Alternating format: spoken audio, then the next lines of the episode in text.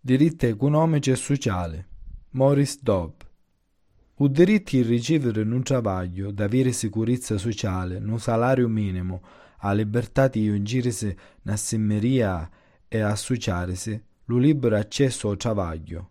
Questi sono gli elementi fondamentali di mettere in una carta i diritti dell'uomo maniera di immaginare un nuovo tipo di società, a così è come la pensa l'economista inglese Maurice Dobb, 1900-1976.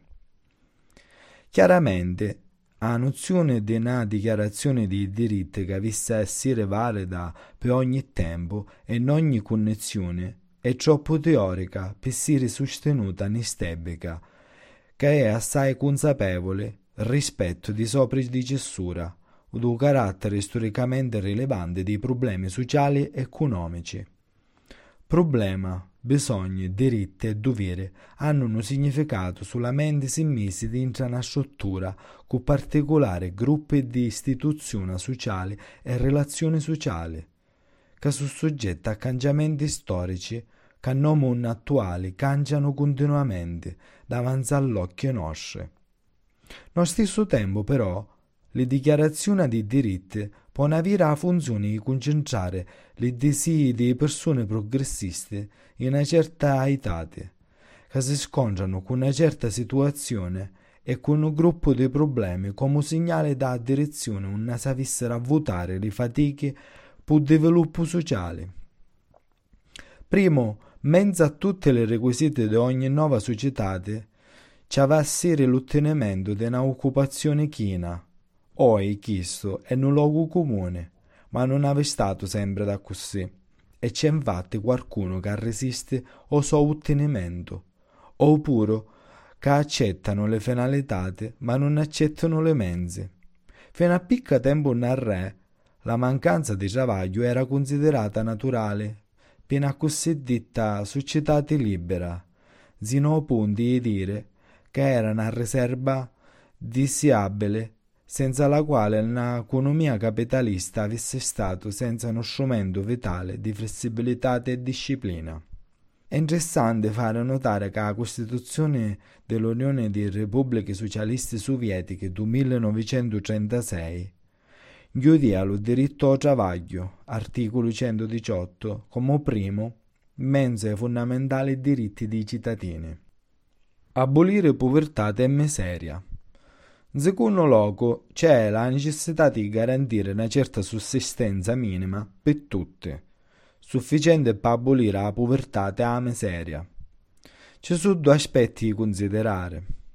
Il primo è la garanzia di un sistema completo di sicurezza sociale contro la perdita di poteri di guadagno che lo lavoratore potesse subire, risiche, casa derivano di incidenti, malattie, vicchianzia.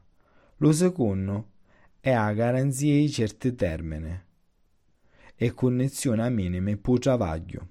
Lo divieto di quali che fosse contratti di travaglio che non assicura lo determinato livello minimo guadagno non è solo una questione d'aspirazione, è una questione magari di ottenimento mentre il livello che viene considerato il livello minimo, per esempio lo salario minimo, è sottoposto giustisso al cambiamento di una generazione all'altra e cambia con il sviluppo sociale e storico nelle diverse parti del mondo. In tante parti del mondo, ogni livello minimo desiderabile a questo momento non si può ottenere, magari con radicale intervento nella distribuzione del guadagno fatto dovuto o vascio livello di produttività per ora di travaglio, che a realizzazione pratica sul diritto come condizione principale addomandano il sviluppo programmato in queste regioni, sviluppo sistematicamente integrato di una grande zona che a sopravvisione dell'autorità pubblica e senza le sfere, con preferenza per un sviluppo finanziato di fora e senza legame con la politica contro le monopoli di privati. Si può facilmente concludere che la proprietà di mezzi di produzione, compresa la terra, di individui privati da un livello che mette fuori a gioco il resto della comunità che non può avere libero accesso a questi mezzi di produzione, rappresenta un'infrazione dei diritti economici dell'uomo, dovvero senso da palora. Quando le mezzi di produzione e le terre sono concentrate in delle mani in una sola classe, il resto della comunità è privato della possibilità di una vita dignitosa, se non come serve a sonde può travaglio, da prima, supramontuata. Una situazione che si conclude con una sostanziale disvalutà di diritti, de facto, e in un senso importante, conduce a una privazione della libertà per la classe di chi che non hanno niente. Sta interpretazione dei diritti umani è impossibile a fare incucchiare con il capitalismo come sistema economico, da una forma più modificata però contro i monopoli di privati. Si può facilmente concludere che la proprietà dei mezzi di produzione, compresa la terra, di individui privati in un livello che mette fuori gioco il resto della comunità che non può avere libero accesso a questi mezzi di produzione, rappresenta un'infrazione di diritti economici dell'uomo dovvero senso da palora.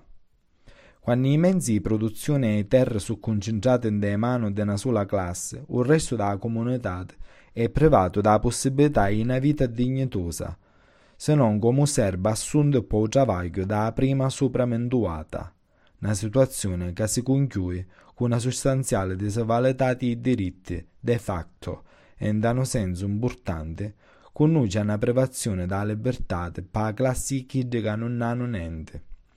Questa interpretazione dei diritti umani è impossibile a fare ingucchiare il capitalismo come sistema economico.